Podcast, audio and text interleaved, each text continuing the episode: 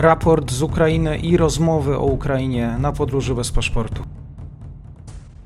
Dzień dobry wszystkim słuchaczom. Mamy 21 dzień rosyjskiej inwazji na Ukrainę. Codzienne podsumowania na podróży bez paszportu. Serdecznie zachęcam do obserwowania profilu na Twitterze Michała Marka, który jest moim gościem. Jeżeli jesteście tutaj po raz pierwszy, zachęcam do subskrypcji tego kanału. We wtorek prezydent Wołodymyr Zeleński spotkał się w Kijowie z premierami Polski, Czech i Słowenii. Rosyjskie okręty płyną w kierunku Odessy. Michał Marek, dzień dobry. Co się działo we wtorek i dzisiaj w nocy? Dzień dobry, witam serdecznie. Y, jeżeli wspomniał, wspomniałeś już o kwestii y, wizyty naszej delegacji, nie tylko polskiej delegacji, tylko jeszcze czeskiej, słoweńskiej, to warto od tego rozpocząć z punktu informacyjnego chociażby. Tutaj rzeczywiście strona ukraińska od godzin y, nocnych wczoraj bardzo intensywnie informowała o tym.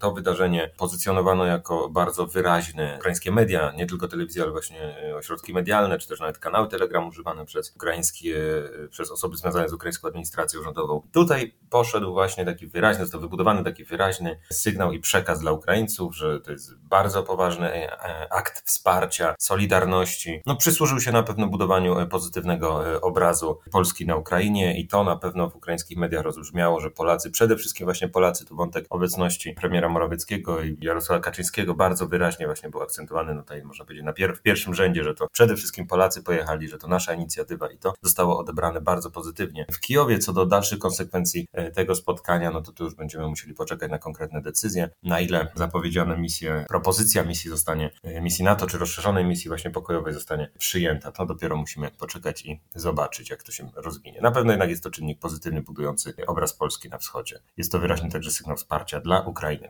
Ale wracając do samej sytuacji. Dzisiejsza noc to przede wszystkim silne ostrzały rakietowe.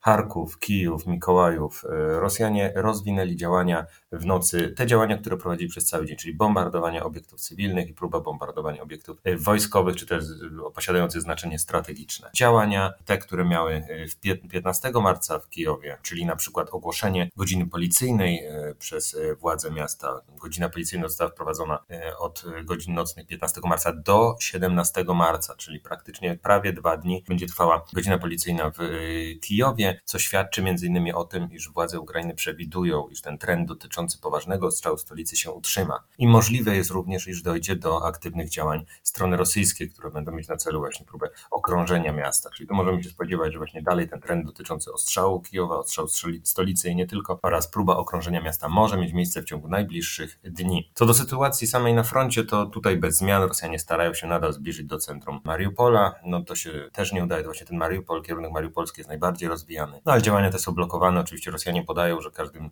z każdą godziną niemalże zbliżają się do centrum. Możemy się spodziewać, że rzeczywiście walki są bardzo krwawe i, i Rosjanom udało się uzyskać pewne nowe pozycje, jednakże nadal nie ma konkretnych dowodów wskazujących na to, że sytuacja w mieście już, że Ukraińcy tracą kontrolę nad sytuacją w mieście.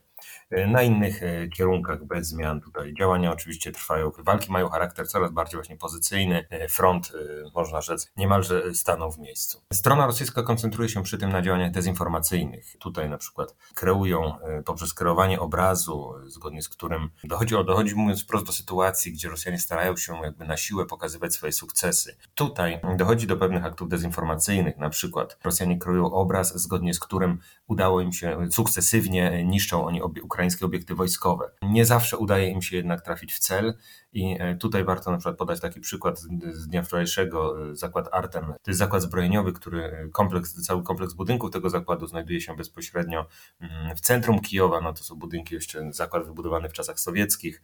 Tak to konstruowano, żeby on właśnie był mniej więcej ukryty, żeby to nie było taki jasny obiekt, który można e, zniszczyć. Niestety sytuacja ta ma takie, takie skutki, że Rosjanie chcąc niszczyć te obiekty, no, czy też celowo, czy też niechcąco, no, trafiają w budynki cywilne. I na przykład wczoraj Rosjanie już zakomunikowali o tym, że udało się zniszczyć ten zakład, że jest to kolejny sukces tej tak zwanej operacji pokojowej. No, zdjęcia, które dochodzą do nas z okolic zakładu, te, które informacje od mieszkańców tego regionu, no wskazują na to, że jednak Rosjanom nie udało się trafić w zakład i zniszczyli stację metra i obok stacja metra Łukianiwka i budynki, które znajdują się obok, już budynki cywilne. Jedyne co to udało się Rosjanom zahaczyć troszeczkę pociskiem i uderzyć w jeden element dachu budynku, który należy do, do tego zakładu, więc tutaj Rosjanie starają się jakby na siłę troszkę budować swoje sukcesy i przez to skrywać między innymi właśnie błędy. Podobnie chciałbym się odnieść dzisiaj do wątku, który zapomniałem, mówiąc szczerze, poruszyć wczoraj. To jest rzeczy dotyczącej rzekomego ostrzału Doniecka przez siły ukraińskie. Rzekomego dlatego, iż nie ma żadnych dowodów wskazujących na to, że to strona ukraińska odpowiada za uderzenie rakietowe tą toczką U pociskiem toczki wystrzelonej z systemu toczka U w jedną z ulic Doniecka. Po pierwsze, sytuacja jest mocno niejasna, gdyż ułożenie pocisku już bezpośrednio wskazuje na to, iż przeleciał z południowego wschodu. To jest ciężki pocisk, jeżeli upada na ziemię, to najprawdopodobniej najczęściej zostaje w tej pozycji, która rzeczywiście wskazuje na na kierunek lotu i tutaj e, wskazywałoby to na obszar kontrolowany przez Federację Rosyjską. Po drugie, e, warto wspomnieć o tym, że Rosjanie poinformowali również, iż w okolicy, tam gdzie doszło do wybuchu, tam gdzie ten pocisk spadł, w okolicy znaleziono laptop, rzekomy laptop ukraińskich służb, na których znajdował się plik, w którym były informacje na temat miejsca, które mieli ostrzeliwać Ukraińcy. I to oczywiście dotyczyło miejsc takich no, obiektów cywilnych w mieście Donieck. No sytuacja jest dosyć absurdalna. Rosjanie tutaj załączyli też zdjęcia tego laptopa, zdjęcia e, tego laptopa z włączonym plikiem którym tutaj wspomniałem. Takie już pierwsze pytanie, które się nasuwa, to po pierwsze skąd miał się tam w okolicy wziąć taki laptop, a po drugie plik, który wskazywali Rosjanie, znajdował się na komputerze i na tym, e, przepraszam, ten plik zawierał zasadniczy błąd. Błąd językowy. Ten plik, który znajdował się na komputerze, zawier, który został odpalony, który pokazywał te punkty, które mieli bombardować Ukraińcy rzekomo, było, było tam użyte słowo obiekty. Jako były tam wskazane właśnie obiekty infrastruktury i było słowo obiekty. Jeżeli chodzi już o tą specyfikę, słowo obiekty zostały napisane mm, rosyjską wersją cyrylicy choć pamiętajmy, imitowały ukraińskie słowa. I tutaj błąd dotyczył zapisu litery je. To znaczy, że w słowie ukraińskim użyto je które wychodziło z alfabetu, które zostało zastosowane w alfabecie już rosyjskim, a nie ukraińskim. I to był wyraźny błąd. I oznacza to bezpośrednio, że na tym rzekomo ukraińskim laptopie, choć pisano ten tekst po ukraińsku, to nie zainstalowano ukraińskiego alfabetu.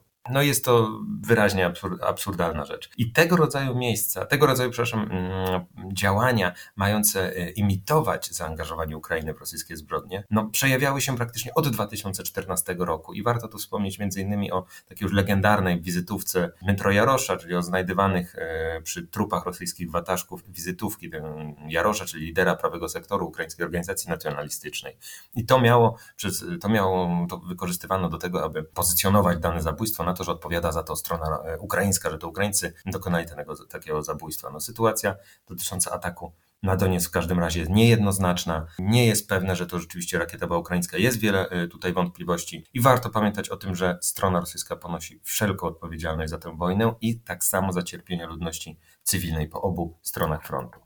Mm, jeżeli chodzi już o stricte, jeszcze powracając do podsumowania, no to obecnie, obecnie możemy spodziewać się dalszych bombardowań obiektów cywilnych, nasilającego się bombardowania Kijowa i Charkowa. Pojawiają się również informacje o tym, że strona ukraińska przeszła do kontrofensywy na niedoprecyzowanych kierunkach. To są oficjalne informacje, no, wymagają jednak potwierdzenia, no, trudno nam je zweryfikować. Na pewno stronie rosyjskiej nie udało się osiągnąć żadnych sukcesów zasadniczych, nie doszło do zmiany sytuacji na froncie, wszystkie kierunki są utrzymywane, a zacięte walki na e, wspominanych już przeze mnie wcześniej e, pozycjach, tych wspominanych w innych e, nagraniach, kierunkach pozostają, pozycjach trwają te walki. Wojna zaczyna mieć charakter pozycyjny i tutaj możemy się spodziewać przełomu jedynie w przypadku zasadniczej kontrofensywy ukraińskiej albo zasadniczej ofensywy strony rosyjskiej, na co no, trudno powiedzieć, na ile się to rzeczywiście może ziścić w najbliższych dniach.